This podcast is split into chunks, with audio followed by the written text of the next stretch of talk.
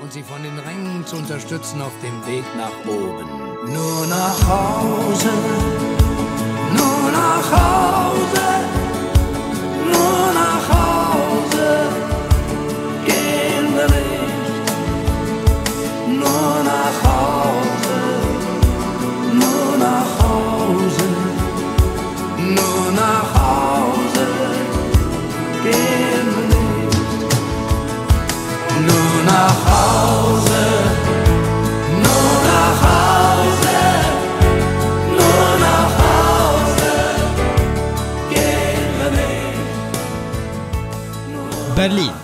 en av världens mest omtalade städer, på alla sätt.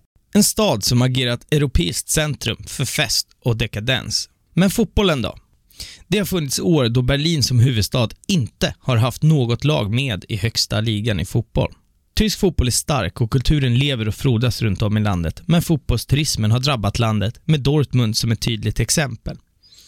Detta har dock inte skett i Hertha Berlin. Vill man prata om titlar och framgång i stor utsträckning får man byta stad, men vill man prata om tväräkta supportkultur så är vi helt rätt. I dagens avsnitt ska vi prata med Jimmy, som alltid haft en grej för Hertha som ung kille i Gävle, för att sedan tillsammans med sin flickvän flytta ner till Berlin och idag är medlem i OFCSD.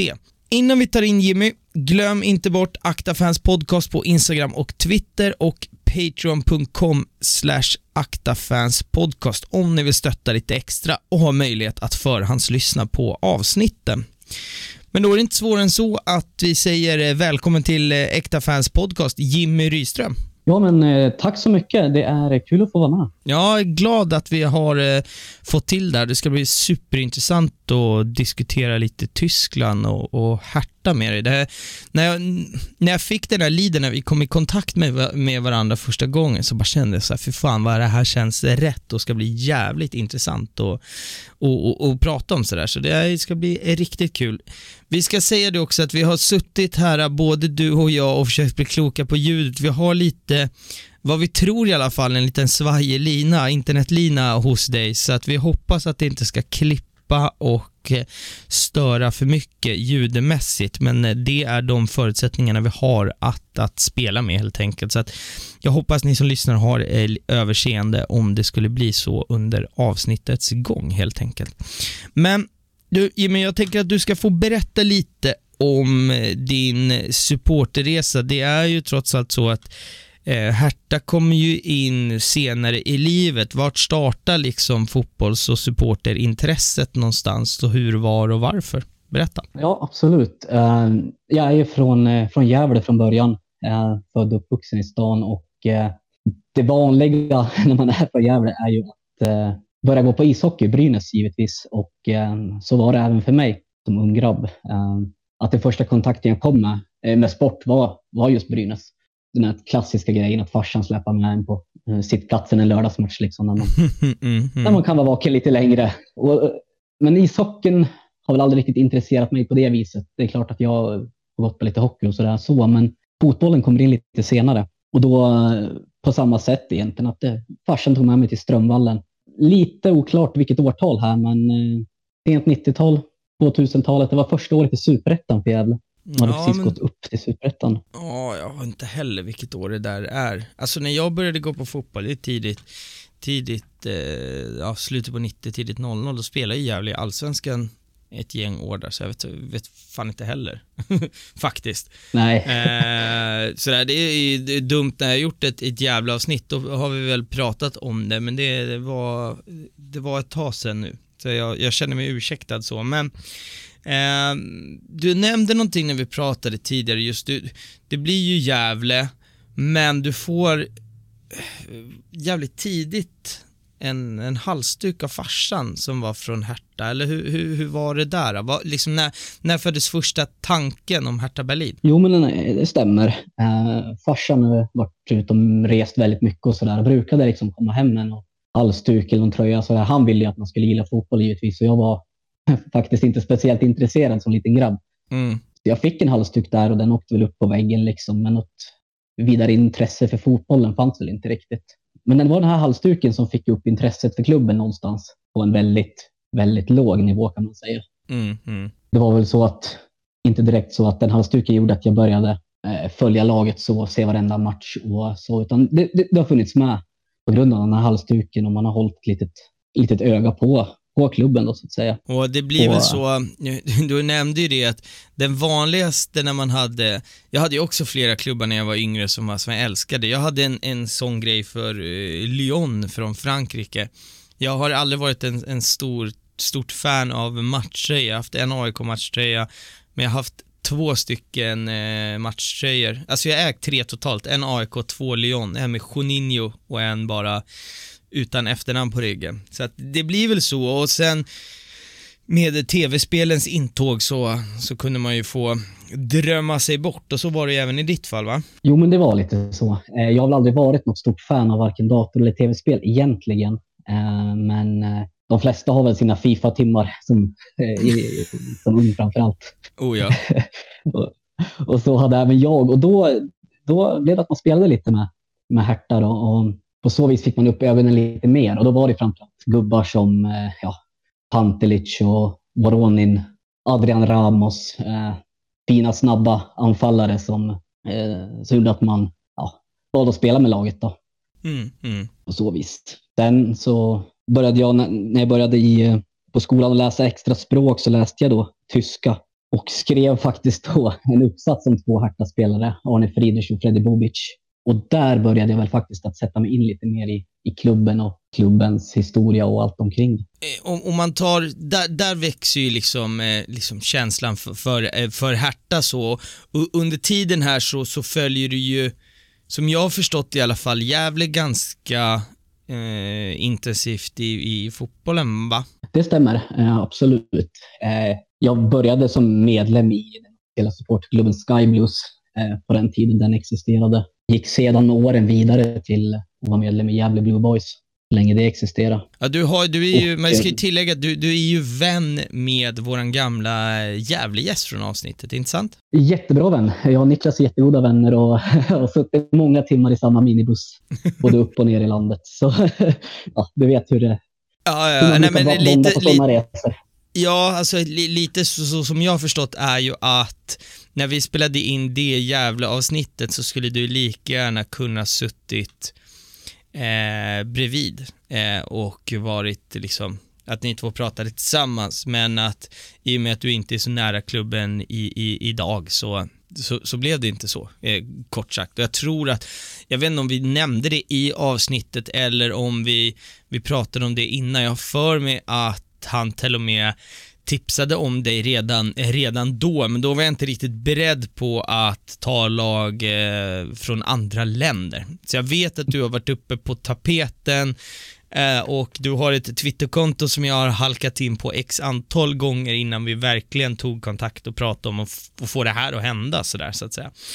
Men det hände ju någonting 2017. Du och flickvännen eh, har varit förlovade i två år och ni bestämmer eh, att ni ska fira det här och drar till eh, Berlin. Berätta om den resan och vad som händer där. Mm, ja, men det stämmer absolut. Det är så att vi, eller hon rättare sagt, beslutade att vi ska åka någonstans och fira, fira vårt två år som förlovade. Då. Och jag hade, hade aldrig varit i Berlin vid tillfället eh, och föreslog Berlin då helt enkelt. Eh, hon hade varit här tidigare med någon vän och sådär någon weekend och tyckte väl att jo, men kan väl ge staden en chans till. Hon var väl inte helt begeistrad efter första besöket. Men vi beslutade oss för att ta en, ta en lång weekend i Berlin helt enkelt. Mm. Och eh, intresserad som det är så det första man har gjort när man har den här resan är bokad är att hoppa in och kolla spelschemat givetvis. Lite sådär i smyg eller? Lite så. Jag kan säga att jag, biljetterna köptes väl och planerades väl in lite i smyg också. Ja. Har eh, flickvännen ett, eh, ett, ett fotbollsintresse också eller hur ser det ut? Nej, inte sen innan. Hon har det nu. eh, Ja, jag okej, säga. okej. Ja. Så. Nej, men jag kollade in spelschemat och då faller det sig så, så fint att Hertha spelade då hemma mot Bayern München under vår vistelse. Ja, det är inte det tråkigaste laget att möta när man väl eh, ska liksom eh, se den första matchen. Så är det ju. Eh, det hade ju kunnat varit något riktigt så här, trött, eh, trött lag, men eh, Bayern München känns ju som en, en fin första fight att kika på spontant. Absolut. Eh, det kunde väl egentligen inte ha blivit så mycket bättre. Eh, jag lyckades få tag på biljetter. Det var väl inte jättebilligt, för det var ju mer eller mindre slutsålt. Det var väl lite ströbiljetter och så. Eh, men jag lyckades lösa biljetter till den här matchen. Och på så vis då så kom jag ner och får se min första match. Och det är väl där och då som efter det här besöket då som intresset tar fart på riktigt mm, mm. för det hela. Och det, det som ska, för, för de som inte vet är ju så här. Vi kommer prata lite mer om eran kära arena också, men vi pratar ju alltså Olympiastadion här. Det har Arenan har varit spelplats för VM-finaler, Champions League-finaler, och så vidare och så vidare och så vidare. Det är ju, alltså, det är en av världens största arenor om man bara ska ta själva arenan i sig, där, där mest klassiska grejer har hänt. Eh, vi har Zidane skallar Materazzi i sin sista match, Olympiastadion till exempel, bara en sån sak. Så att, hur var det att, att se den uppenbara sig och få kliva in där och liksom, vad förväntade du dig och när du kom in, var det som du hade förväntat dig? Eller ja, berätta om känslan sådär första gången. Jag skulle vilja säga att känslan eh, började inte riktigt när jag kom fram där, utan det var redan långt tidigare när man eh, där på matchdagen liksom hoppar på tunnelbanan ut mot arenan. Den ligger svinlångt ut ifrån stan va? Ja, den ligger långt västerut. Befinner man sig mer i de centrala delarna så tar det en stund att åka ut till arenan. Eh, mm. Men ju längre ut man kommer, liksom närmare arenan, arenan har ju en egen tunnelbana, ju längre ut man kommer så krävde det bara på mer och mer supportrar och sång och, och öl. Så förfesten började redan. Liksom. Och redan mm. där så kände man att det var någonting mer än det jag har upplevt tidigare. Mm. Både hemma i Gävle givetvis, men även på andra platser runt om i världen. Mm. Eh, redan där kände jag att det var någonting speciellt, men det kanske absolut säga, största minnet jag har där kanske, även när man kliver upp från tunnelbanan, eh, upp för trapporna där och eh, man kommer fram till ett litet torg kan man säga, med lite ölkiosker och sånt. Där det mer eller mindre var knökfullt med supportrar som sjöng och, och drack öl och sådär före matchen. Så redan där så kände man ju sig att det här, det här kommer jag att tycka om, det här kommer att passa mig. Ja, det är en stor jävla arena också. Den tar väl 75 000 eller något sånt där, va? Mm, stämmer. Um, ja, 75 000 någonstans där. Och den här matchen var ju givetvis slutsåld också. Ja, det, det, det är inte, man är inte svårsåld så att säga, svårpitchad när man får kliva in och säga, ja men det här känns som en kul upplevelse, så är det Bayern München som står på andra sidan slutsåld 75 000. Eh, laget leder eh, hela matchen fram till sista sparken som jag... Bayern München mål i sista, typ sista sekunden va, eller något sånt här. Ja, nej men precis. De kvitterar, eh, om jag inte missminner mig nu så jag tror jag att det är 96 minuten eh, som de lyckas kvittera på. Om det är någon hörna eller något, något halvtaskigt inlägg liksom. Mm. Men det är bra, bra tryck eh, kan man ju säga när man leder över den stora tyska giganten så att säga. I, i alla fall sportsligt sådär när man får leda och få uppleva den, den stämningen. Var, jag kan tänka mig att det var ganska bra tryck på läktarna då. Det var det. Det var det givetvis. Väldigt tidigt också. Uh, I alla fall jag tycker om när man är på ett nytt ställe att ta sig in tidigt på arenan och hitta sin plats och kika uppvärmning, insupa stämningen liksom. Och mm. Läktarna börjar fyllas såklart redan en timme liksom för avspark och redan då börjar de båda sektionerna sjunga upp också så att uh, man fick ju ganska tidigt där en känsla för vad som komma skulle. Mm. Helt enkelt. Och ja, du sa ju att du pluggade lite tyska där i skolan. Var tyskan så pass bra så att du liksom, om, om man tänker ramsorna och så vidare, kunde du förstå ramsorna och även snappa upp och sjunga med? Eller, eller liksom, var, var det svårt? Så hur bra var tyskan redan då, man tänker så? Nej, men tillräckligt god skulle jag säga för att liksom kunna hänga med i, i både ramser och eh, ja, vad speaker och så säger. Och, ja. förstå banderoller och sådär. Eh, absolut, det, det vill jag säga att jag kunde göra. Ja. Eh, men inte så att man liksom kunde kommunicera speciellt mycket med folk runt om en eller sådär. Och här någonstans, eh, så um ja, som sagt, du är ju eh, hel, helt såld här och du åker ju ner e efter den här, ni är ju, trots att du är med flickvännen och firar att ni har förlovat dig, det är ingen fotbollsresa du åker på, men du följer ju upp 2017 med att just åka på eh, dedikerad fotbollsresa till Berlin och, och, och kolla mer på Hertha, eller hur? Mm, det stämmer.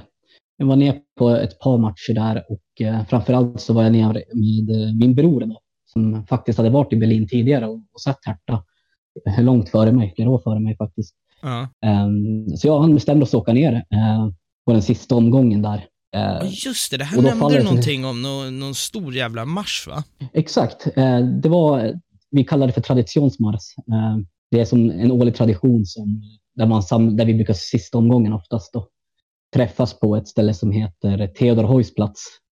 Då tusentals supportrar på timmen värmer upp med, med bira och allt man kan tänka sig dricka.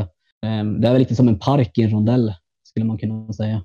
Okej. Och eh, vi visste inte om det här innan vi åkte, utan det var någonting vi upptäckte på plats via sociala medier, att det skulle vara en samling. Så vi tänkte att vi åker väl dit och kollar vad det här är för någonting. Lite större än vad ni trodde va? Det blev lite större än vad man trodde. Jag kommer upp i tunnelbanan där minns jag och ser liksom en hel en park som bara är blåvit, eh, fullständigt blåvit och folk överallt och öl och musik och sång och sådär. Så att eh, ja, det var en väldigt lyckad, väldigt bra timing ska jag vilja säga. Mm, nej, det kan jag. De marscher är också, det är fan helt fantastiskt när man marscherar, speciellt om man är på bortaplan. Eh, när man bara, det känns som man pissar på alla som, som bor i den stan och bortalaget och allting och marscherar genom deras stad.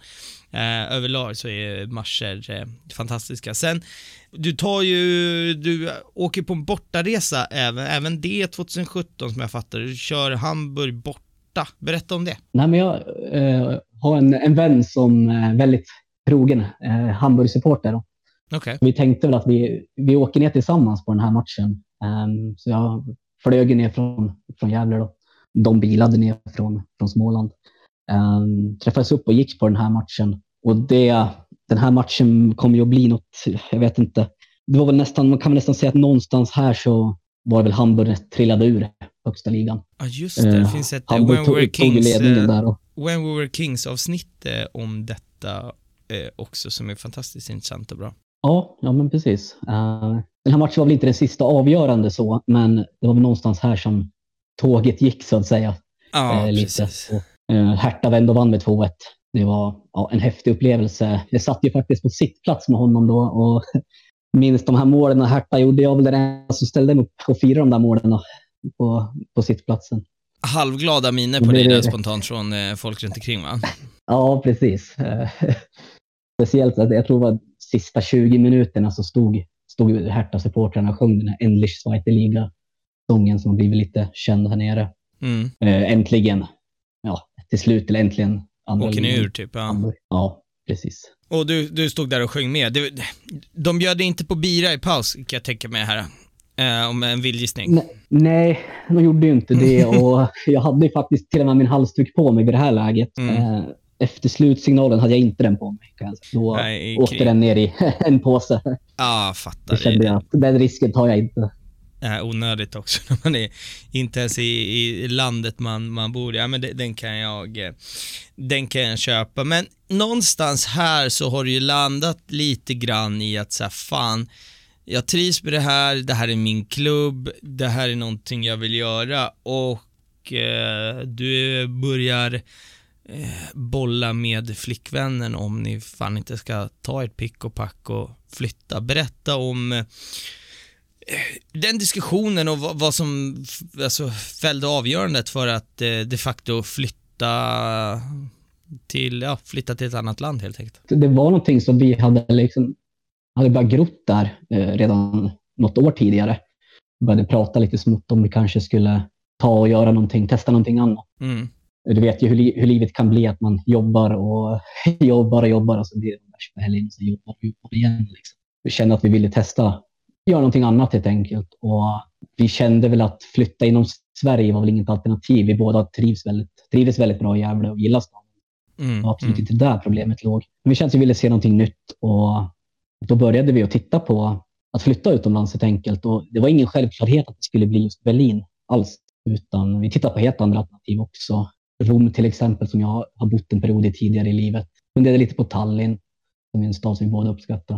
Eh, Men vi kom fram till slut att Berlin var kanske den staden som där hade bäst förutsättningar att eh, lyckas, eller vad man vill säga. Mm. Mm. Eh, Med tanke, man tänker på liksom med jobb och Mm. för det är mycket som ska klaffa med en sån här flytt. Det är inte bara att ta väskan och sticka om man, om man redan har ett liv hemma. Nej men precis, precis. Så att eh, vi kom fram till att Berlin blir det bästa valet och började då, jag skulle säga redan ett år innan, nästan planera den här flytten. Med att titta på vart vi ska bo, vad kan vi möjligtvis jobba med, vad ska vi med allt vi har hemma, så att säga. Och sen, eh, och, och sen drar ni helt enkelt. Eh, alltså nu, nu är inte jag så bevandrad. Jag har aldrig varit, jag har aldrig ens varit i Tyskland faktiskt. Eh, men vilken del av staden flyttar ni till för de som kan sitta Berlin? Ja, vi flyttade passande nog till en stadsdel som heter Charlottenburg ute i Västberlin och det är ju liksom mer härta än så blir det inte. Det var väldigt eh, lämpligt. Ja, det, det, det, så, det har jag snappat upp. Eh, det, det, har jag snappat upp också, vi kommer komma in på det. Jag har suttit och kollat på, för er som vet eh, och kollar mycket YouTube, Kåpa 90 eh, har ett avsnitt eh, som jag kommer att länka till eh, eh på, på Twitter och lite på, på Instagram och sådär. Fantastiskt avsnitt just eh, vi, om, om en match som, som vi kommer komma in på under away daysen. Eh, men eh, där har jag lärt mig att Charlottenburg är, eh, det är därifrån, det, det är fan så jävla mycket härta som det bara går alltså. Mm. Ja men precis. Det är inte därför som, som jag sa, det är inte därför vi hamnar där utan Berlins bostadsmarknad är väl kanske inte som Stockholms, men den är inte heller helt lätt att ha att göra med. Så vi tog väl egentligen första bästa lägenhet vi kunde få och då föll det sig som så att det var i Charlottenburg. Då. Mm. Idag bor jag inte kvar där kan jag säga. Idag bor jag på andra sidan stan, i den rödvita delen av stan. Mm. Unions, eh, eller ja, Union eller sådär. Vi kommer komma in på, på dem eh, också. Det är en annorlunda rivalitet i, i Berlin som vi ska eh, djupdyka in eh, lite senare. Men du, det första du gör när ni väl har bestämt det, du checkar ett, ett eh, årskort på ostkurve. Jag vet inte, ja, min tyska är sådär så du kommer förstå för alla uttal här idag, det ska du veta. Men jag antar att det är eh, i klacken, skulle man väl kunna översätta det till svenska sådär. Och eh, av en slump så, så träffar du eh, ett, ett gäng supporter där som är med i Förkortning blir rolig när man översätter den till svenska, SD, och vad de heter på riktigt, det får du, det här återigen får du stå för det tyska uttalet. Vad, vad står SD för i det här sammanhanget? Ja, det, det är ju inte Sverigedemokraterna då, eh, även om jag heter Jimmy som vi skämtade om innan här. Mm. Eh, nej, SD står för Spandauer Dreamers. Spandau är då en stadsdel i Berlin. Ah, okay, okay. Helt enkelt. Och Dreamers är ju engelska då. Ja, och du är på väg jag på... Dem, ja. Hallå, kör, berätta. Hur, hur träffade du, hur, var och varför träffade du dem? Berätta om det. Ja, det, det är ju faktiskt en ganska rolig story, så jag tycker verkligen vi ska ta med den. Det var så att jag, jag skulle iväg en lördag. Kände inte någon egentligen alls från eh, Hertaleden eller så. Eh, skulle jag på en bortamatch, hade bokat in mig på ett tåg. Då. Vi hade ju hyrt ett tåg, supporterna mm, som skulle mm, ner mm. till, till Stuttgart. Uh, då, följde, då var det en kollega till mig som frågade om fan, kan inte jag få haka på liksom? Ja, jo, men självklart får man lite sällskap sådär. Det, det, det skulle bli kul. Och den här snubben då, han, han sticker iväg. Det finns en svensk butik faktiskt här i Berlin eh, som säljer svenska grejer. Okay. Mat och dryck och sådär. Mm -hmm. eh, så han stack iväg till den här butiken och han sa, att jag tar hand om, in, köp, köper in alkoholen. Ja. Du behöver inte tänka på det. Fixar du tågbiljetterna, sa han till mig. Och gjorde jag ju det. Liksom. Eh, dyker han upp där på matchdagen och träffas på tågstationen med två flak ett med rekordel cider och ett med de här long drinks som du vet. Ja, lången! Uh, Jävla fina. Ja, Amen, amen. Exakt. Kryssning tänker jag på när jag tänker lången. De, de, de råkar alltid, alltså oavsett när man går in i en jävla taxfree på en kryssning så spelar ingen roll om man inte ska köpa någonting, man har alltid ett flak lången, eh, eller lånke med sig när man kommer ut. Det har jag aldrig hur fan den hamnade, men man har alltid den och sen blir man alltid skitpackad av de där jävlarna. Exakt, de går ju ner jävligt lätt. Och han har ju köpt två, två, två flak av de där och rekorderlig och grejer. Ja. På tok för mycket med andra, med andra ord. Mm. Men det, det är ju, skadar ju inte liksom. Nej. Eh, men vi hoppar på det där tåget och slår oss ner i i en vagn och sådär. Ja, efter några burkar så säger han, nej men jag, jag måste gå och pissa, vet du. jag måste gå och hänga ut den. Ja, tänker inte så mycket på det. Han, han kilar iväg där. Och det som hör till historien som är ganska roligt att det här är en kille som spelar Amerik håller på med amerikansk fotboll, så han är stor som ett, stor som ett jävla hus. Liksom. Mm, mm. Skäggig och jävlig, vet du. Kommer han tillbaka med en kille där, en tysk släptåg. Och säger bara Jimmy, häng med. Nu ska vi med de här gubbarna till en kupé här borta. De har en egen kupé. Mm -hmm. Då visade det sig då att när han var på toaletten här så har min polare alltså gått smält rätt in i han som är ledare för Spandau Dreamers, alltså gått in i varandra. Det blev en jävla smäll. Och då har ju han berättat i efterhand, och ledaren för gruppen här, att han trodde han skulle dö där. Han trodde att Stefan skulle, min polare, skulle liksom, ja, bunta ihop honom helt enkelt. Jajamän, jajamän. Eh, men han är ju världens snällaste kille och skulle aldrig göra någon illa liksom. Så att eh, istället för bråk där då så får vi en inbjudan till, till den här kupén helt enkelt. Där hela Spandau Dreamers sitter och festar och sådär. Ja, så jag springer, vi springer med till den där kupén och har ju med oss våra kassar med de här, de här dryckerna som är väldigt exotiska för tyskar. Jajamän. Så de, vi sätter oss där och pratar lite och sen så tar vi upp en burk och de liksom, vad, vad, fan, vad fan är det där för någonting? har ju de aldrig sett. Och det slutar ju med att det tar väl en timme så har, har de druckit upp de här flaken som vi hade med oss.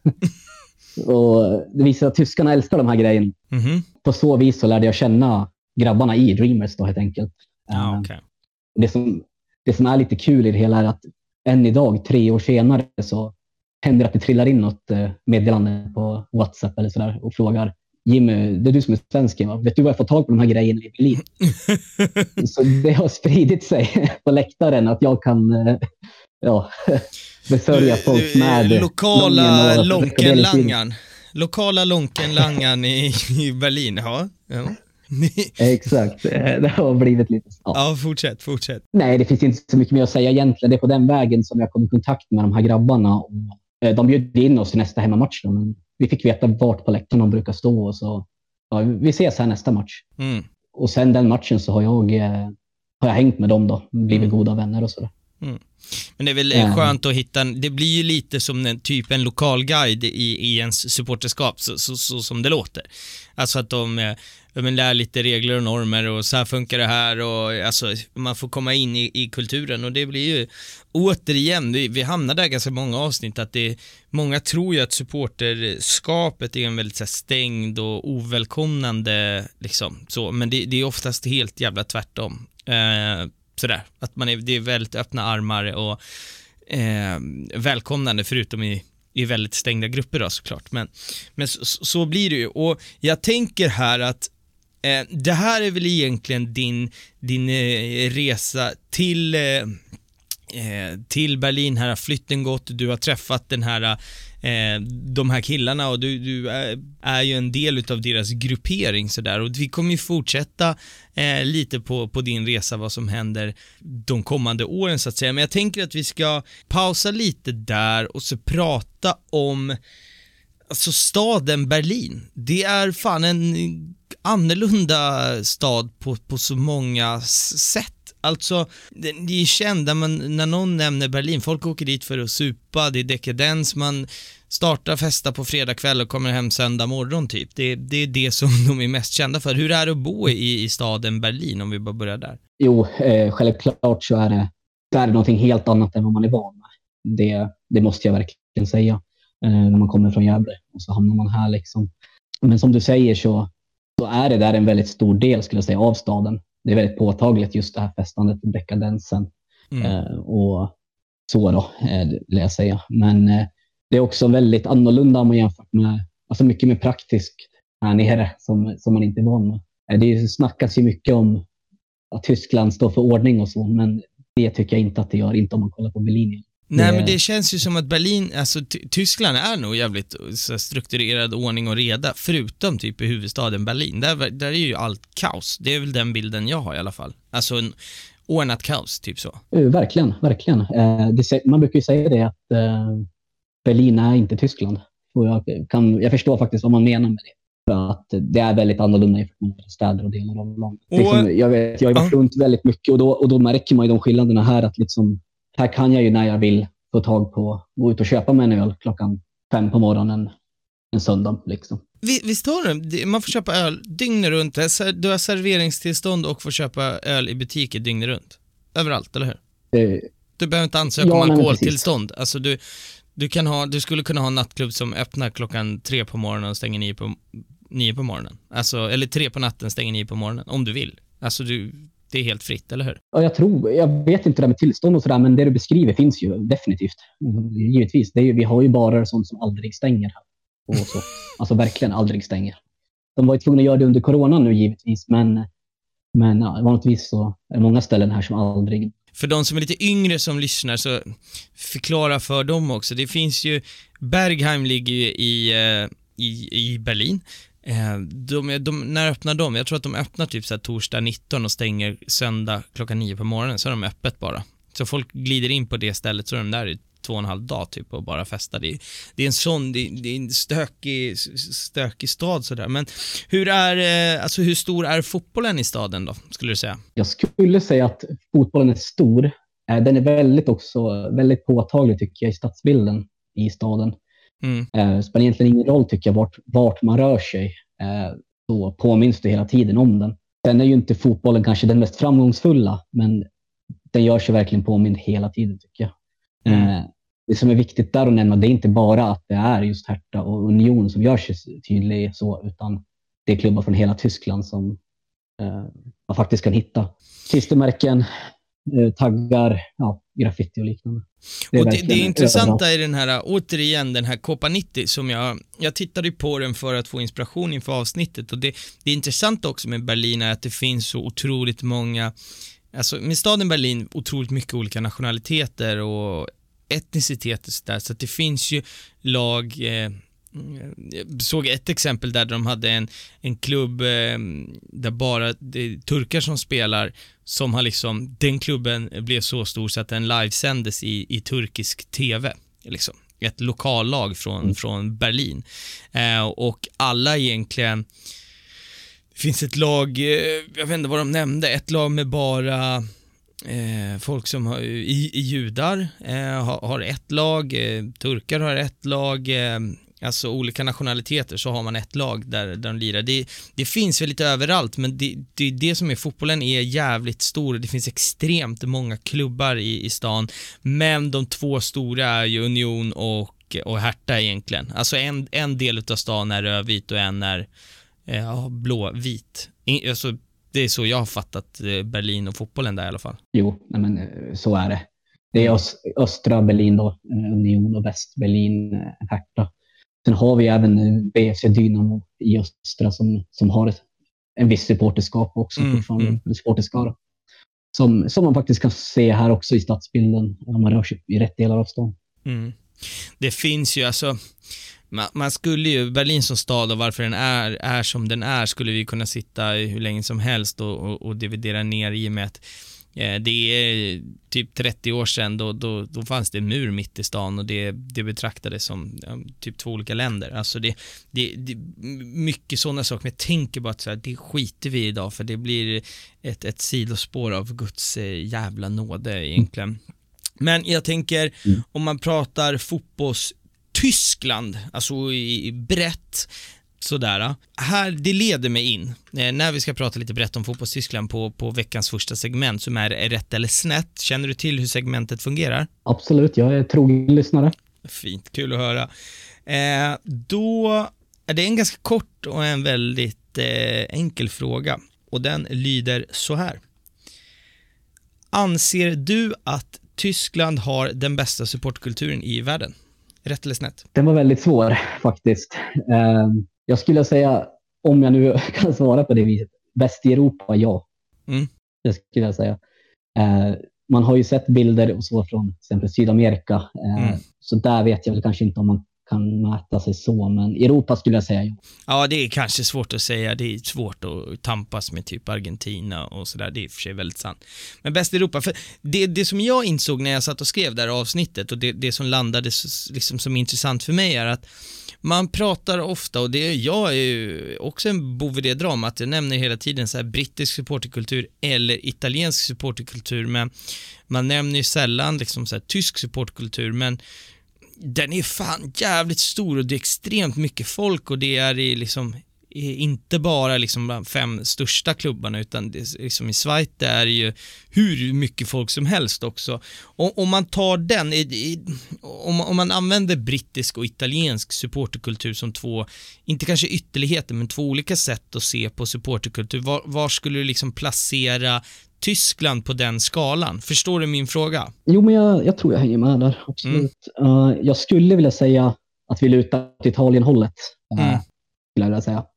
Just med tanke på att man har den här, det här visuella på läktarna med konstant med flaggor. Vi har pyrotekniken uh, och, och, den här passionen som, som finns där. Mm. man, det är sällan man ser en sån en läktare i Tyskland som, där folk står rätt upp och ner bara, inga flaggor. In. Det, det existerar mer eller mindre inte. Utan Nej.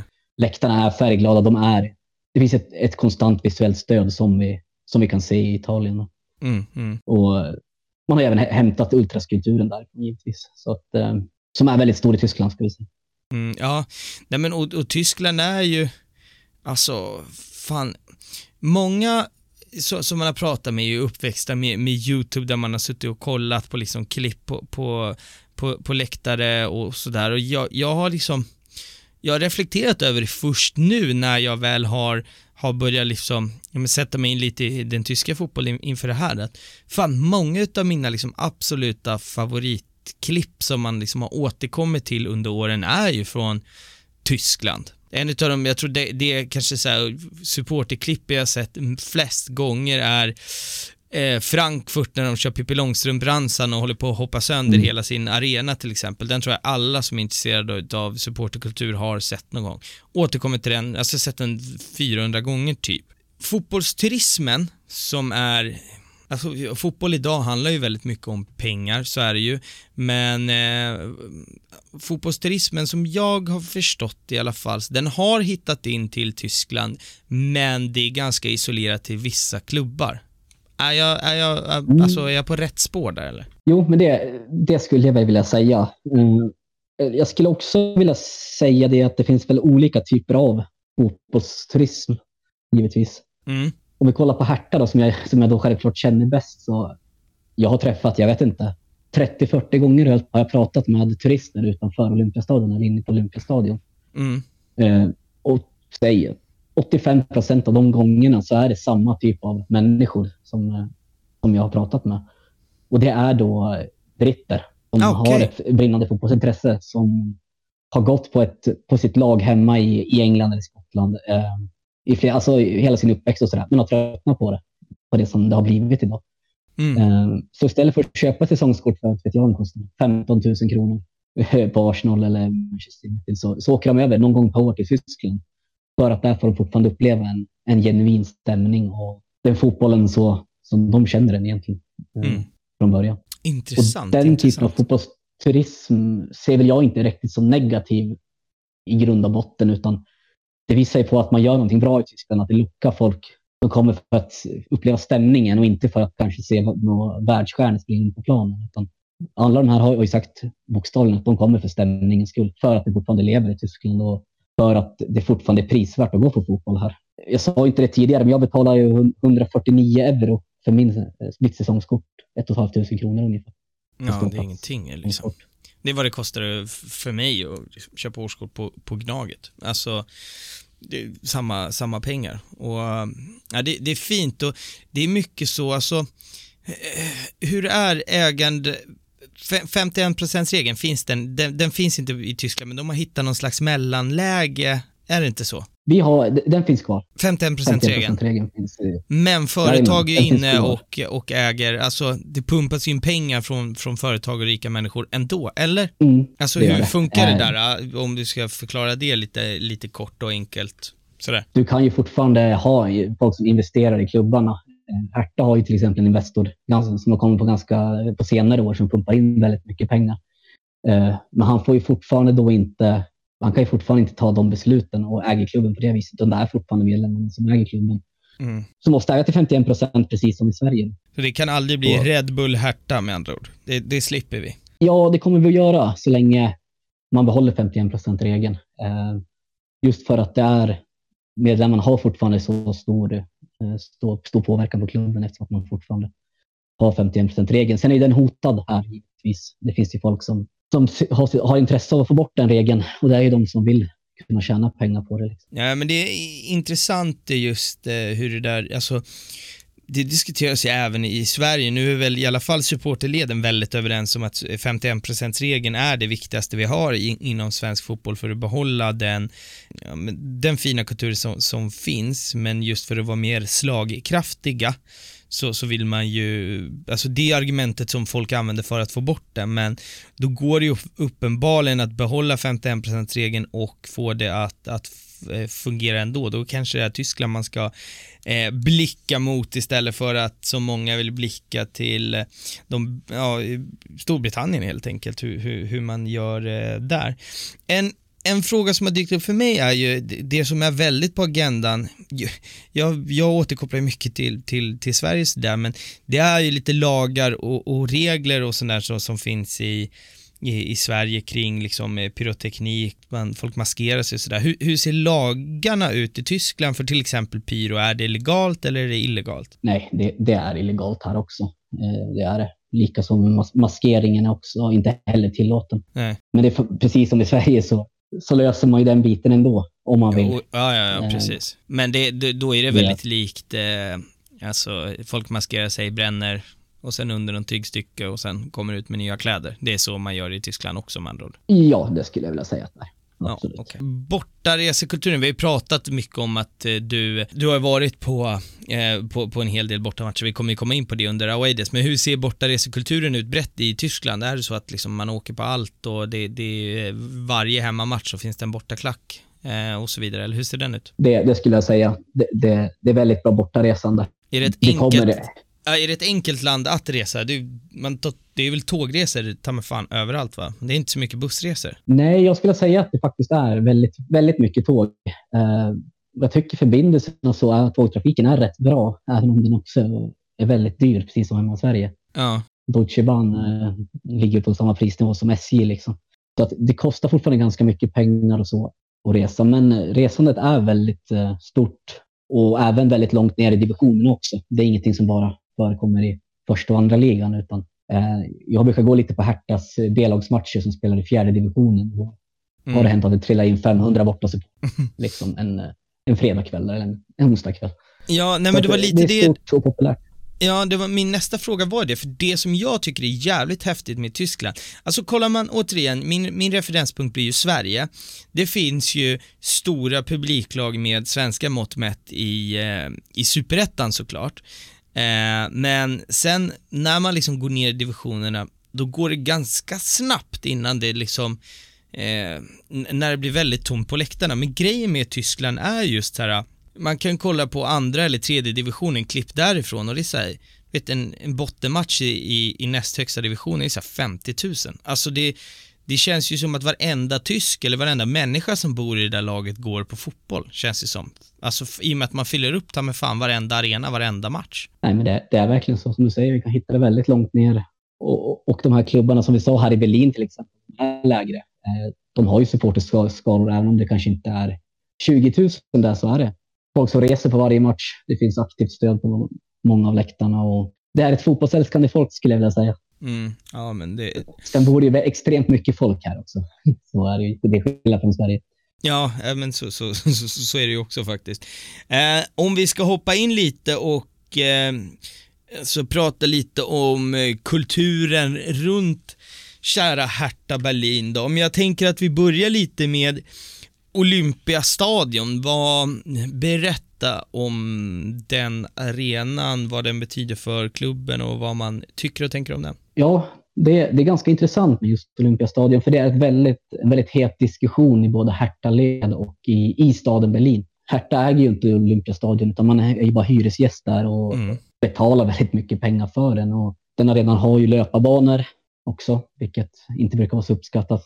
Mm. Och den är extremt stor som du nämnde tidigare här, upp mot 75 000 och Hertha brukar ju snitta runt en 50 000 ungefär. Så det blir väldigt ofta tomt arenan. Även om det är 50 000 så upplevs det som att det är väldigt tomt på plats. Då. Så att, som diskussionerna går idag så vill man överge Olympiastadion eh, och bygga en ny arena i egen regi. Vilket är någonting som jag personligen är emot. Jag älskar Olympiastadion och vill verkligen få spela kvar där.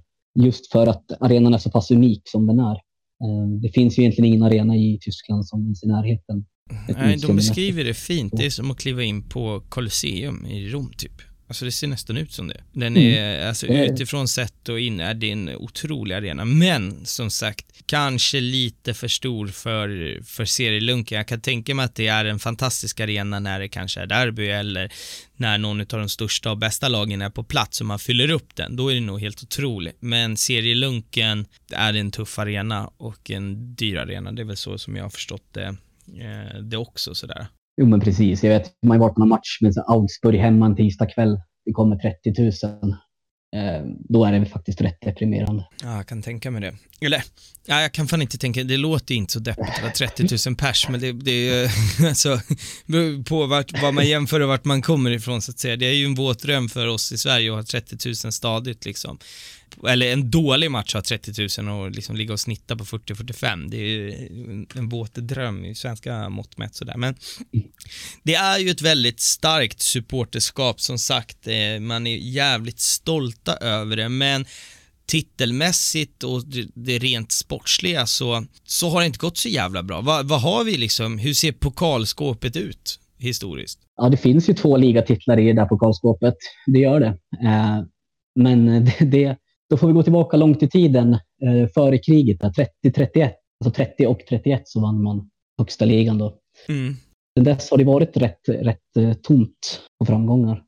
Men, det har varit degraderingar och så. Alltså det är, det är så sjukt för att det jag undrar egentligen när jag tänker på Tyskland är så här att hur fan kan inte, alltså om man kollar storleken på staden så är det väl rimligt att Alltså nu har vi de två stora giganterna, det är väl Dortmund och, och Bayern München. Men att inte en, en, i alla fall en utav de liksom, giganterna är från huvudstaden är så jävla konstigt i, i mina, liksom, i mina öron. Va, varför, alltså hur, mm. hur kan det ens gå till, tänker jag? Det är mest människor, det finns ett st största upptagningsområdet för unga spelare, alltså man har alla förutsättningar att dominera i landet, men varför lyckas man inte med det? Eh, jag sitter ju givetvis inte inne på svaret här. Men nej, men alltså vad, vad, vad, tror du liksom?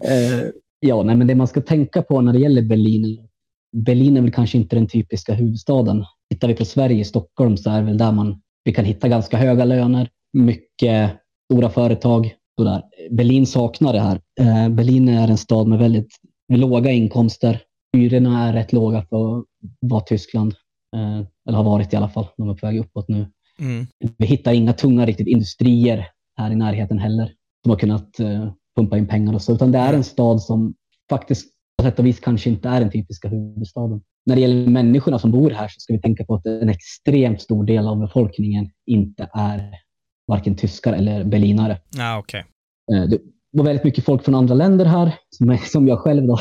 Mm. Men även många som flyttar in från, precis som i Stockholm, från andra delar av Tyskland. Och då har man ju oftast ett lag med sig hemifrån ja, som man stödjer. Såklart. Så det är väl därför som man kanske inte riktigt har den här stora uppbackningen från staden och så som man kanske borde ha om man tittar på det som du, som du gjorde det. Mm. Rent helt utifrån. Eh, men ni har ju också en, en ganska spännande och annorlunda rivalitet. Den, som jag förstår så är den på väg att bubbla upp och bli lite hårdare eh, rivalitet. Men Union där, det har inte varit, dels har ni inte lirat i samma serie eh, speciellt mycket, men det är, det finns ju två stora lag i stan, eller de två största, och där rivaliteten är inte så, så hetsk. Sådär. Berätta om lite rivaliteten eh, me mellan klubbarna och hur den ser ut och, och sådär. Mm. Eh, det är ganska spännande, för det, det, som du sa, det är någonting som är under förändring och har varit det eh, under de senaste åren så att säga. Tidigare så har ju Union och Hertha man skulle kunna säga nästan haft ett friendship, om man vågar säga så. Mm. När muren stod, helt enkelt. Mm. Eh, det var ganska vanligt att man som Hertha-supporter höll på Union i, i DDRs liga. Då. Eh, och tvärt emot att Unionssportrarna höll på, på Hertha i, väst, mm. i västtyska seriespelet. Eh, så att den äldre generationen Hertha-supportrar, de, är ju inte, de känner sig inte alls vid den, den rivalitet som finns idag, utan där ser man ju ganska, fortfarande ganska positivt till viss del på, på Union. Mm. Eh, men i den generationen som jag tillhör, jag är runt 30 år, eh, där, det är där rivaliteten håller på att byggas upp.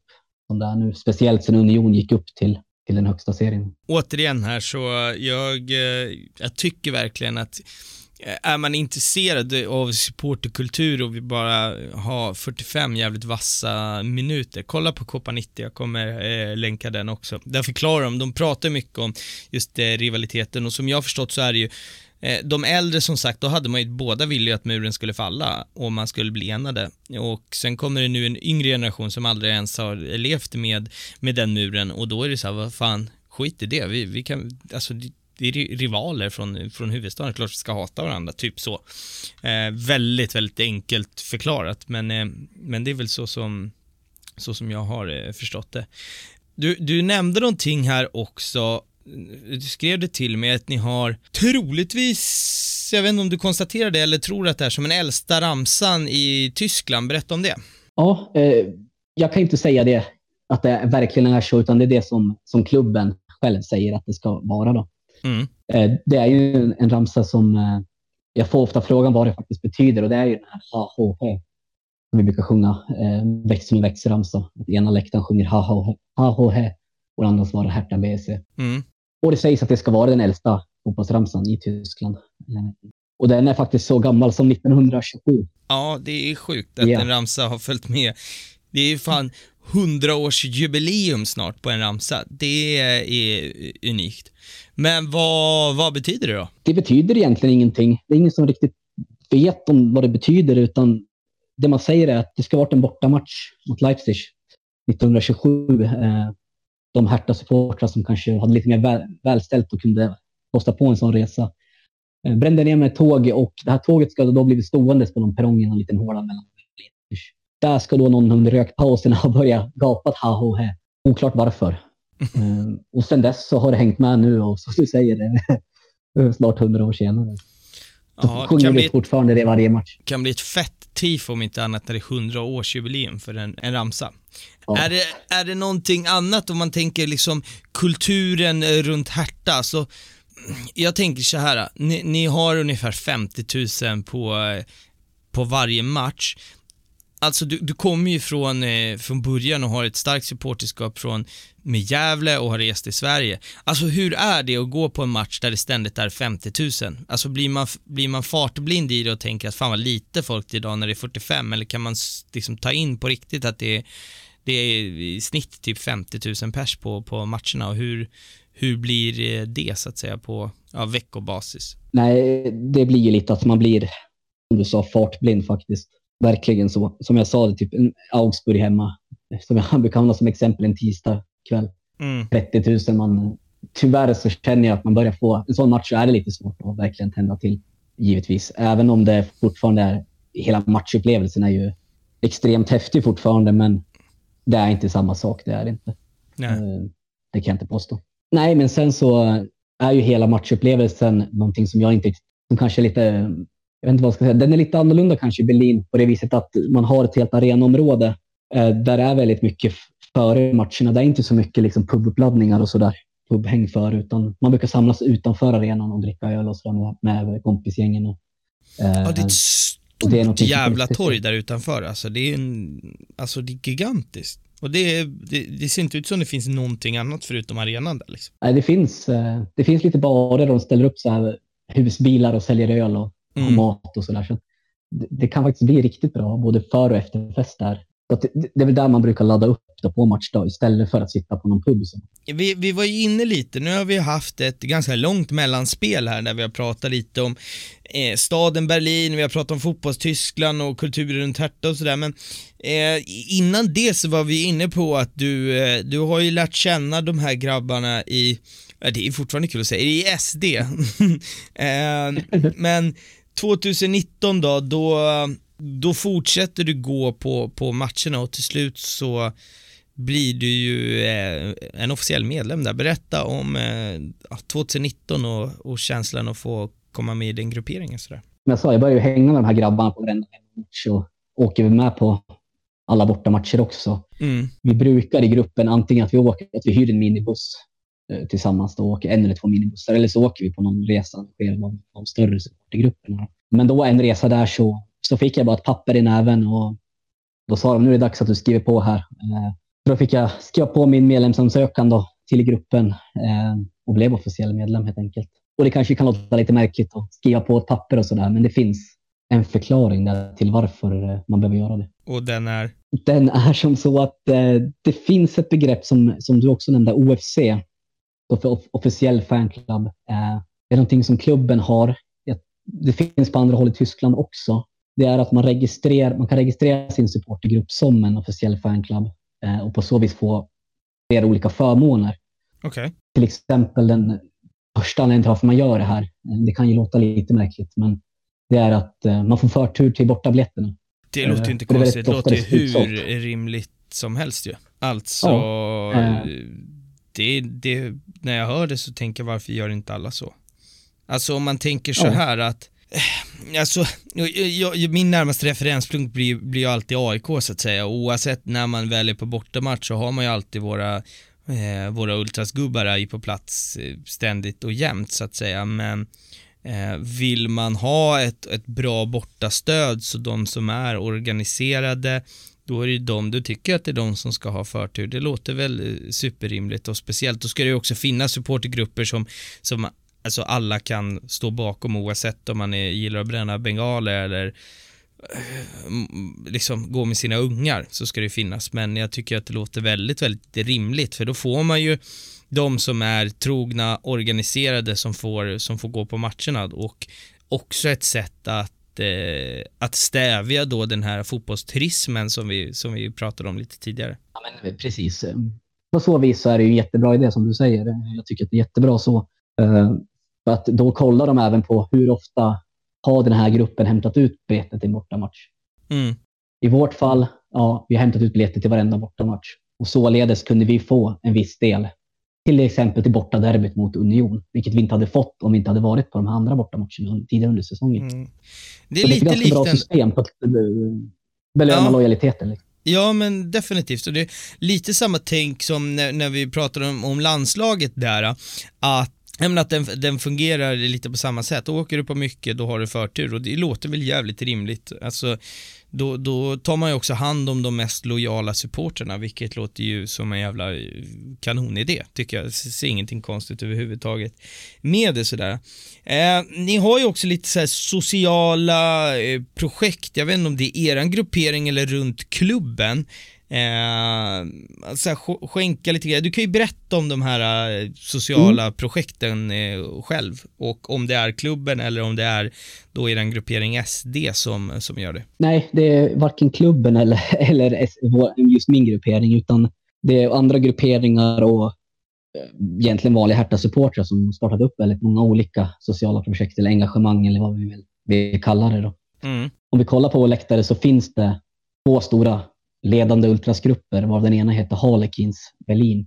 Mm. Eh, Och det är väl de som har det kanske absolut största projektet eh, som är en återkom årligen återkommande eh, grej som, vi, som de gör då, eh, som kallas för Spendet Rättet Leben, Mm. vilket betyder då på svenska ja, skänk din, din bägare, rädda liv.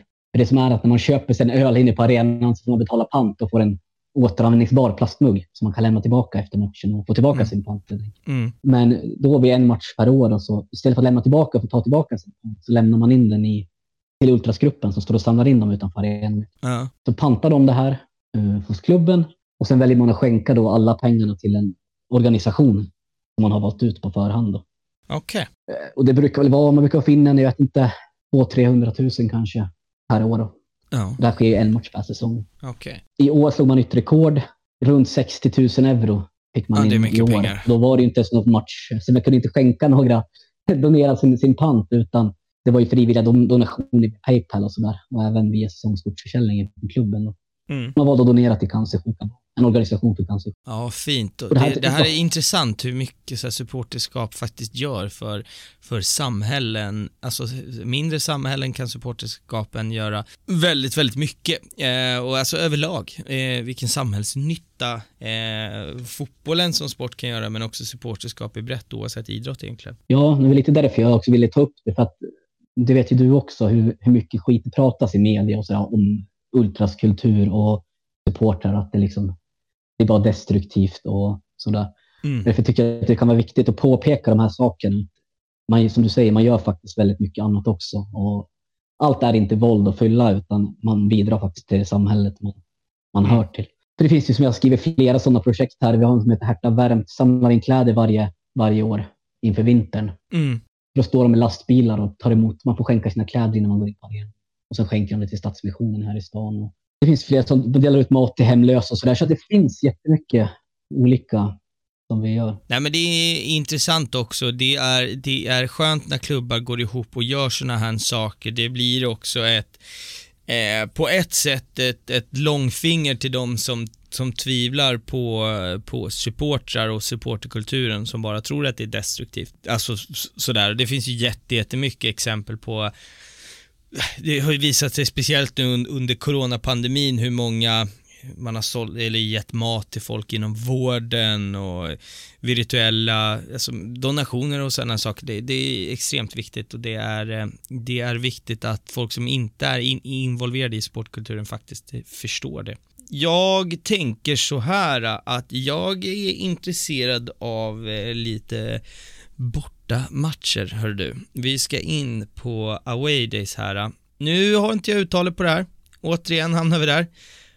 Braunschweig eller något sånt där, Schweig, eh, 2018. Berätta Mm, om det och hur fan uttalar man det här på riktigt? Eh, Braunschweig eh. Braunschweig, ja. Eh, Mm. Min tyska är sådär, ja, det, det kan ni få skratta åt om ni vill. Det bjuder jag på, vet ni vad? Du är förlåten. Ja. Eh, Braunschweig 2018. Eh, inte så här jättelång historia egentligen, men det var, var den första bortamatchen jag åkte på när jag flyttade ner. Det var, jag hade bara bott i Berlin i någon månad faktiskt, Mm. när den här matchen var dags matchen. Och jag kände ju ingen, och, men jag tänkte vad fan, jag ska ju på matchen ändå. Jag, skit, jag får åka ensam, det är väl ingen med det. Mm. Uh, började kolla där, hittade inga tågbiljetter. Det var ju slutsålt, för det hade ju supportrarna köpt upp givetvis. Så jag hittade en grupp på Facebook där man kan, eh, en sån samåkning till bortamatcher. Och den snubbe där som uh, visade sig jobba i mer eller mindre samma kvarter som jag bor i. Så ja, jag skriver till honom. Och han har en plats över, det är inga problem. Eh, så jag åker med han och en annan kille som inte heller kände, ingen av oss tre kände varandra. Och jag pratade ju inte speciellt bra tyska heller, utan det var mest snack på engelska i den här bilen. Liksom. Och det hade han full, det var inga problem. Jag tyckte det var kul bara med en utlänning. Liksom. Jag är väldigt så här, försiktig så. så. Har väl druckit lite sprit innan så att man ska klara av den sociala biten och sådär. Mm. Eh, Det är så när man är ny i ett nytt land. Liksom. Mm. Nej, men och regnet, regnet hängde, hängde väl lite i luften där. Så jag hade satt på mig en eh, svart North Face-jacka.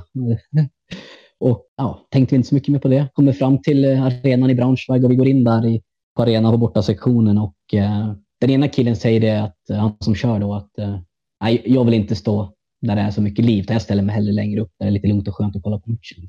Mm. Och den andra killen säger, ja, men jag står hellre där nere och, och röjer. Eh, och jag vill också röja givetvis. Jag följer med den där yngre killen ner. Det som är att Ultras brukar alltid gå med just den här typen av North, svart North Face-jacka som jag då hade på mig dagen Ja. ja. Och det som händer då strax innan avspark, det är att någon snubbe där verkar tro att jag tillhör dem. Så att Aha. jag får en bengal i handen helt plötsligt från ingenstans. eh, på min första bortamatch bland, bland, bland Ultras längst ner vid räcket typ. Eh, så då s- skickar han in den där handen på mig och, och, och frågar bara, du vet väl hur, hur det här går till? Eh, och det gör man ju, eh, har man ju testat på för. Det var ju inga problem. Ja. Men eh, bränner jag av den där med Ultras-grabbarna på min första bortamatch. Missade den här lilla detaljen att maskera sig. Eh, det gjorde jag. Men, ja, det gick bra till slut ändå. ja. Förutom att den här nya jackan då gick sönder av allt av elden. Så den höll en match ungefär. Ja, för fan, de där, man har, man har, även jag har ju testat på att bränna bengaler i mina dagar, men har, det är några jackor som man har fått eh, skicka efter, eh, du vet, man har druckit lite för många öl och sen ska man ge sig på bengaler och helt plötsligt har man så små udda fläckar över hela jävla jackan som är bara hål överallt. Det har, det har hänt fler än en gång, så är det ju. Eh, ja, intressant och, och, och spännande första bortaresa. Det är väl lika bra att bara kastas in i det med en gång, tänker jag. Sen Ja, har vi eh, Schalke borta 2009. Här har vi en havererad minibuss och det är rörigt, eh, rörig resa dit som jag förstår det. Berätta om Schalke borta. Mm, Schalke borta är väl kanske den värsta jag har varit på någonsin. Om man ser det till helheten. Mm. Vi skulle åka då minibuss. Vi brukar hyra den som vanligt och det var inga konstigheter. Vi körde ett par timmar, fem, sex timmar eller någonting. Och helt plötsligt är vi på, på autobahn någonstans och liksom chauffören säger att det är, något, det är något som inte stämmer med minibussen här. Vi måste, vi måste av, vi måste stanna och kolla vad som händer. Eh, så vi rullar, rullar in på någon sidoväg där by någonstans. Och eh, där lägger, bussen lägger bara av på vägen, alltså mitt på vägen helt plötsligt. Så vi får ju hoppa ur och rulla in den till sidan. Och det visar sig då att eh, den är feltankad. Den är tankad med fel bränsle. Så att den där bussen startar ju inte igen. Åh, billigt och bra också när man har lyckats med en sån grej. Mm, verkligen. Eh, så att då står vi där, har väl en timme kvar till, till Gelsenkirchen står mitt ute i ingenstans, har typ ingen aning om vart vi är. Vet inte hur vi ska ta oss vidare och sådär. Riktigt jävla varmt var det också. Slutar med att vi får ta en taxi till närmaste by. Där eh, får vi fråga oss fram lite. Visar sig att vi kan ta ett pendeltåg in till Dortmund. Hoppar hoppa på det där tåget till Dortmund. Kommer fram dit. Där ser jag att det börjar bli lite tajt om tid nu. Så att eh, vi kan nog inte springa och jaga något tåg här. Så att det får bli en taxiresa till i rusningstrafik. Kommer fram till matchen i tid. Gör vi. Inga problem. Så tänker väl inte så mycket mer på... Det är match liksom, borta match. Man tänker inte så mycket mer på hur vi ska lösa det där Nej. med minibussen sen. Ja, kommer in där och det är väl den sjukaste läktarupplevelsen jag har upplevt, tror jag, på en bortamatch i Tyskland. Eh, Schalkes hemmasektion, man står där och känner att det fan ingen idé att vi sjunger ens, för att man blev så jävla överkörd. Så möta en jävla vägg liksom. Ja. Förlora matchen 2-0, båda målen självmål.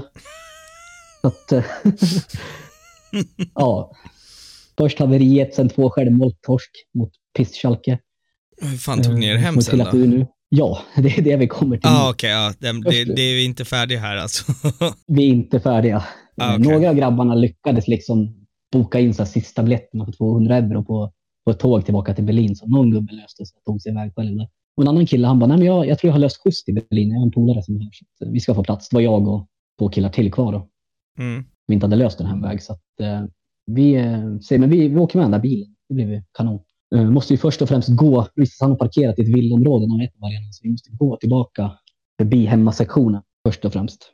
Mm. Vilket inte var så, ja, det var ingen jättekul upple- upplevelse så. Hjärtat slog ju ganska hårt. Mm. Men eh, vi kom över eh, levandes genom det där också. Kommer fram till den här snubben som står och väntar vid sin bil och då visar det sig att han har ju, det är världens minsta bil, risbil. Alltså en sån bil med två dörrar bara. Ja, det är inser att här, vi kan inte såhär, sitta- eh, pizzaleveransbil typ. Exakt. Ja. Vi inser att vi kan inte sitta i den bilen i sex timmar till Berlin. Det, det går. Ja. Att, eh, den ena snubben, han hoppar in, hon åker med, med den där killen tillbaka då, till Berlin. Så att, då är jag och en kille till kvar. Ja, vi, vi vet ju inte vad vi ska göra riktigt, så vi tänker vi får väl röra oss ner till Gelsenkirchen, till centrum och försöka hitta någon resväg eller ta ett hotell eller jag vet inte. Vi får titta på det där liksom. Mm. Eh, Då åker man då tram från arenan ner till, till äh, spårvagn ner till, till centrum och då, då, då är det ju samma spårvagn som deras ultras, givetvis. Mm. Så då stod man återigen livrädd och, och svettades något jävligt. Och man hade ju liksom tjocktröjan på sig. Man ville ju inte visa t-shirten man hade under. Så det står ju bara rinner om svett, svett om en och så kommer det fram några tjejer där och frågar hur man mår. Så där. Eh, fick dra en lögn där och säga att vi hade varit på någon polare och bara skulle ta oss ner till stationen och åka vidare. Mm. Eh, Mm. Kommer ner till stationen, visar sig att alla tåg för kvällen är, de är fullbokade med Hertha-supportrar. Så att, ja, det går ju inte. Eh, vi lyckas då på, genom att vi har gått och pratat med någon resevärd där, få tag på en Flixbuss i Berlin. Okej. Enda nackdelen var att det var två byten och det tog eh, 15 timmar att åka hem. Fan. Vi blev sittande i någon liten tysk by så fyra timmar på natten och vänta på nästa buss. Vi gör det två gånger på den här hemresan, då, i två olika byar. Och kom hem då ja, 15 timmar senare efter den här matchen. Fy fan. Så sedan dess har jag odlat ett litet hat mot eh, Flixbus, lär jag säga. Mm. Det förstår jag. Eh, ja, men det, det här är väl vad man kan kalla snöbollseffekten. När någonting går fel, då går allt fel. Du vet, snöbollen bara rullar ner för att berget blir större och större och större. Det är väl lite det som eh, händer här. Då. Och sen kommer vi till eh, en match som eh, som just det här Copa 90 som jag har nämnt flera gånger eh, under avsnittet, de gör ju det här avsnittet om en specifik match. Det är Derby 2019 på då, ja, ditt sätt, eh, fel sida om, eh, eh, om Berlin helt enkelt. Det här är ju alltså första gången som eh, ni ska mötas i ett derby i högsta serien eh, någonsin liksom. Berätta Mm. om eh, liksom den här eh, matchen. Ja, eh, absolut. Eh, först och främst så fick vi, vi fick ju tag på biljetter, inte till samtliga i grupperingen. utan Det var några som, som inte fick några biljetter då. Men eftersom att jag då har varit en väldigt flitig eh, resenär på bortamatcherna så var jag en av de lyckliga som fick, fick en biljett. Och eh, det var ju såklart eh, riktigt kul att få, att få den möjligheten för att det går inte att lösa de biljetterna på något sätt annat sätt än att vara medlem i en sån här grupp mer eller mindre. Nej. De har 40 på biljetterna. Har man också så här eh, personliga biljetter i Tyskland? Alltså det är Eh, ditt nej, namn, det är bara du som får använda den? Nej? Nej, det har, har man inte. Eh, Utan jag, jag, jag brukar till exempel köpa till, till mina vänner så som kommer ner och sådär. Mm. Låna ut, jag har två säsongskort, jag kan låna ut ett också. Det står mitt namn på båda så där. Så det är inga problem. Okej, okay, okej, okay. ja, men jag vill bara Eh. veta. Ja, ja, men eh, jag fortsätt Eh, om eh, matchen. Då var det så att vi, jag bor ju i en stadsdel som heter Friedrichshain som ligger i östra Berlin och är ett typiskt unionkvarter. Eh, Det är lite av ett hipsterkvarter också, bohemskt hipster. Så, men det är ett unionkvarter också. Och då på den kanske den största parken där, som heter Boxhagenplats, skulle vi ha vår samling då i fiendeland kan man säga. Och det råkar bara ligga ett stenkast från där jag bor. Tio minuters promenad eller sådär. Mm. Jag eh, kunde bara knalla ner dit när det var dags. Grabbarna och sådär. Eh, kommer ner dit, det var ganska tidigt, så jag kom ner dit eh, halvtimme innan den utlysta tiden så att säga. Och, märker då att eh, de två som är där, alla har liksom blåa jackor på sig med Hertha-loggan. Mm. Det visar sig att inför det här derbyt då, så, man, så ska man sälja på plats då blåa, blåa jackor. Sådana jackor som man kan vända ut och in och bära på två håll. Mm. Kanske du känner till. Mm. Att den är vit på ena sidan och blå på ena sidan. Mm. Så jag började ju fort liksom att meddela mina vänner som var på väg att eh, ta inte med hem några jävla jackor liksom för att eh, de säljer det här liksom. Lämna jackorna hemma. Nej, men det, då är alla redan på väg så det, det kunde de inte. Så, men vi går och köper de där jackorna och så undrar vi vad fan ska vi ha av alla liksom? Vad ska av de här jackorna? Mina, jag och mina 15 polare. Då har det följt sig så, så väl att min flickvän har fått med ner på den här uppsamlingen för att hälsa på alla. Hon känner mig också. Hon Mm. skulle inte få matchen dock. Då säger hon, Jimmy jag kan, jag kan ta din våna jacka och gå hem med den. Liksom. Sen kommer en kille till, ah, jo, kan du inte kunna ta min jacka också? Ja, jo, jo. Slutar med att hon, hon får släpa hem 15, 15 vinterjackor eh, genom eh, hela stadsdelen. Hon gick, eh, kunde knappt bära dem där. Eh, så det var lite tur, tur att hon var med, annars hade jag Mm. fan vad hade gjort av allt. Eh, nej, men vi samlas på det här torget, eh, eller parken, och marscherar och sen tillsammans på utlyst tid genom den här stadsdelen till, till den S-Bahn-stationen som, som ligger en bit bort. Då. Mm. Ganska häftig mar- marsch det finns ganska mycket filmer att se därifrån. Folk som står och filmar på sina balkonger och sådär. Ja, du kan ju, eh, återigen ett bra läge här och, och pusha för Akta Fans Podcast på Instagram och Twitter så lägger vi upp lite därifrån. Eh, så Mm. kan du skicka över det till mig. Det som är sjukt med deras arena också, är ju, jag har aldrig hört talas om det, men det ligger mitt i en skog. Alltså som jag förstått det Mm. nu, alltså det, jag har bara sett det på de här, eh, på lite videos, men som jag fattar så är det en skog och sen i mitten av den skogen så har de bara smält upp en arena. Så att oavsett vilket håll du kommer ifrån så måste du gå genom skogen för att komma till arenan. Alltså är, är det så? Eh, Jag har faktiskt bara varit där på det här derbyt om jag ska vara helt ärlig. Jag Ja. har aldrig riktigt varit där i dags, dagsljus eller icke-matchdag utan polislinjer. Så att jag vågar inte svära på att det är så, men det låter ganska rimligt faktiskt. Mm. Men vi, vi tog oss eh, ut med det här tåget, fyllde upp några sådana här spantåg, kommer fram då, och då är det som du säger. Det är bara skog. Det är som en väg bara rätt ut i skogen. Där fick vi gå med poliseskort givetvis. Eh, stod lite unionssupportrar ute i skogen. Så, så liksom. Men jag tror att det är den längsta promenaden jag har gått i hela mitt liv. För den tog aldrig slut, den här skogspromenaden. Nej. Det kändes som en, e- som en evighet som aldrig kom. Och folk hade ju liksom med sig bärs och sådär och det, det dracks ju på flitigt. Men fick ju inte gå ut i skogen och, pissa eller sådär heller. Så, ja, det var en ganska hemsk promenad men fortfarande väldigt god stämning. Men sen när man kom fram till arenan så verkligen, ja, då verkligen exploderar det ju unionssupportrar överallt. Du vet ju själv kanske på Stockholmsderbyn hur det kan se ut kan jag tänka mig. Jajamän. Med pyro och sång och ja, stök och hets och sådär. Sen kommer jag ihåg att när vi väl kom fram där och efter många om och men så fick vi stå i evigheter utanför och vänta innan de släppte in oss på arenan. Vilket är ett ganska dumt drag kan jag tycka från polisens sida. Nej, bättre att bunta in alla borde in på arenan om de inte vill ha stök. Eh, Exakt. Eh, gjorde man inte, utan tvärtom. Det kändes som att vi fick gå in sist där. Men det var ju verkligen, jag har aldrig upplevt en bättre, fot- alltså har ju bättre fotbollsupplevelse än den här matchen. Verkligen. Bra och, jävla tryck på läktarna i den matchen. Helvete. Ja. Eh, det ska vi också, vi ska Den- få upp eh, videos därifrån. Satan du. ja, verkligen. Den är inte så stor den arenan. Den tog väl såhär Eh, 22 men 000 trycket eller är ju- någonting. Ja, den är inte alls stor, men det är fruktansvärt bra tryck. Och sen har de ju, det är, ju, det är väl tre och fyra läktare där i ståplats. Just det, det är Ja, hela- 18 000 ståplats av 22 000 platser, vilket också är helt unikt. Eh, sjukt ju.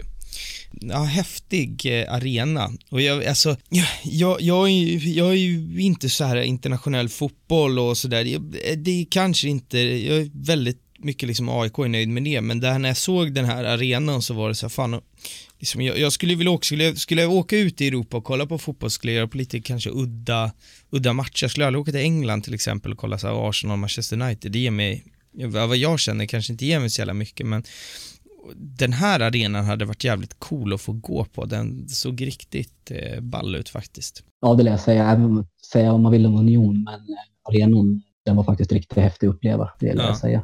Eh, mm. verkligen. Lite så liten och, och intim. Ja, men verkligen, verkligen. Eh, jag tänker, vi närmar oss faktiskt slutet. Eh, det jag vill bara fråga är så här, rivaliteter, eh, det har ni ju här mot Union. Den är ju på uppsving den rivaliteten. Finns det några andra klubbar som är liksom så tydliga rivaler i Tyskland? Det finns ju några stycken. Det gör sånt som jag känner har, är ganska stort. En sån här match där vi kanske taggar till lite, det är ju till exempel Stuttgart. Mm. Som främst kanske är på den vägen att via det friendship som man har med Karlsruhe, eh, Karlse. Eh, det är ju deras värsta rivaler. Och ah, okay. Hertha och Karlsruhes eh, friendship är ett väldigt starkt friendship och ett väldigt gammalt friendship. Så det är inget sånt nytt Instagram friendship eller vad man nu vill kalla det. Nej. Utan det är någonting som, som härstammar tillbaka till någon gång på 70-talet till och med. Okay, okay. På så vis har det blivit en väldigt stark, en stor rival. Men så, ja, Stuttgart och eh, ja, Ja men det är väl olika, just rivaliteter är olika för olika människor också, vad man har för någon match som man har varit på någon gång och sen händer någonting så liksom brinner det till lite extra sådär. Du, jag, jag har inte jättemycket mer på agendan i, idag, är det någonting du känner att du vill tillägga så här innan vi eh, packar ihop och går hem? Nej, det är väl egentligen inte det. Jag kan väl rekommendera alla som lyssnar att vill ni ha en riktigt grym fotbollsupplevelse så Tyskland borde ni ju verkligen överväga om man vill få in det man brukar förknippa med fotboll. God stämning, god öl och mycket publik. Mm, mm. Äh, jag, jag, eh, många av mina vänner är ju väldigt intresserade av fotboll internationellt och sådär och jag har aldrig riktigt greppat det, men när jag har kollat lite runt Tyskland så det, det har något. Eh, och eh, första gången känner jag att fan det här hade varit kul att uppleva faktiskt. Så att få se vad framtiden har att ge om det blir en eh, fotbollsresa till Tyskland kanske, vem vet. Eh, men då har jag egentligen poddens sista fråga som jag vill att du svarar på och det är vad är supporterkultur för dig? Det tråkiga svaret är väl egentligen det som kanske, kanske är vanligaste här, som du har fått i podden, det är väl mm. gemenskapen. Mm. Mm. men det som har varit väldigt viktigt för mig, det är ju att det har varit, även varit en, eh, kanske den största, viktigaste delen för min eh, säger man, integration i Tyskland. Mm. Tack vare supporterkulturen så har jag lärt känna tyska vänner och på så vis lärt mig det tyska språket, ah, någorlunda i alla fall. Tillräckligt för att kunna kommunicera mm. med, med dem och i yrkeslivet i alla fall. Och de har ju så, genom dem så har de öppnat upp eh, det tyska samhället för mig, tagit med mig på platser jag aldrig skulle ha besökt annars. Mm. Lärt mig om den tyska kulturen. Hur beter man sig här? och så och, så för mig så, ja, utan det så, så vet jag inte om jag hade varit kvar här idag, i staden. Och hur ser du, är, kommer du att leva och dö i, i Berlin eller eh, sukta Sverige någonting? Eh, nu är ju inte jag helt ensam om det beslutet. Eh, Nej. Inte jag har en partner. Men eh, skulle jag få bestämma så stannar jag här ett bra tag framöver. Jag känner väl inte att flytta hem till Sverige i dagsläget är aktuellt. Nej. Även om jag givetvis saknar allt det här. Jag har inte varit i Sverige eller träffat min familj på två år tack vare coronan. Så Nej. givetvis skulle man vilja komma hem på ett litet, en liten snabb visit några dagar. Nej men intressant. Fan det har varit skitkul att få höra om, eh, om Tyskland och Hertha Berlin. Jag, eh, jag kommer lägga upp eh, på, på Instagram och Twitter så ni får en liten bild. Jag inser att det är svårt att måla bilden och beskriva hur jävla bra tryck det är för att, jag är så van och många som lyssnar är så vana med liksom eh, det svenska och det som är jävligt fett i Sverige men jämför man med Tyskland så är det ju som liksom det är ju Sverige fast på steroider typ. Det är supportkulturen skulle jag säga är ganska lik, men det är mer människor och det är fler publikstarka lag. Det, det är väl min summering av tysk supporterkultur. Håller du med mig där? Jag håller helt med dig där. Jag tycker ja. du sammanfattar det väldigt bra. Och med det sagt så bugar jag och bockar för att ni har lyssnat och för att du har velat ställa upp. Glöm inte Eh, Patreon.com eh, slash aktafanspodcast. Det kostar 55 spänn i månaden eh, och då får du chansen att eh, förhandslyssna på avsnittet. Senaste avsnittet kom upp två dagar innan. Eh, så fort jag har editerat dem färdigt så laddar jag upp dem där. Eh, och sen Instagram och Twitter som jag tjatat om. Men det hjälper ju till jättemycket eh, när ni gillar, när ni retweetar, lägger ut på story, för det gör att nya människor ser podden och nya människor hittar eh, till podden, vilket hjälper mig jättemycket. Eh, och med det sagt eh, så ska jag sluta tjata och så ska ni få ha en supertrevlig dag. Ha det fint nu. Ciao!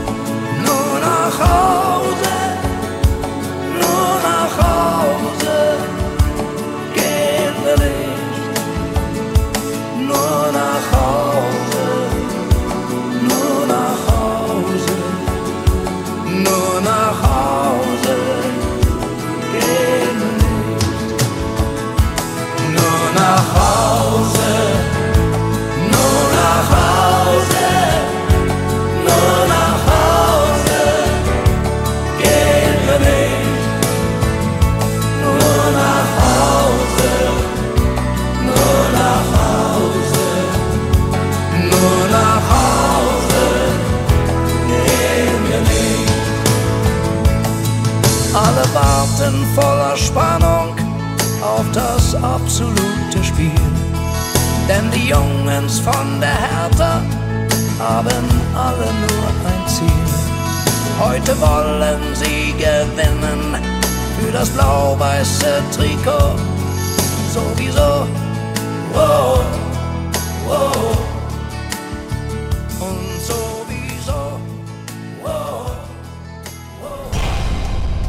I samarbete med Esen Studio.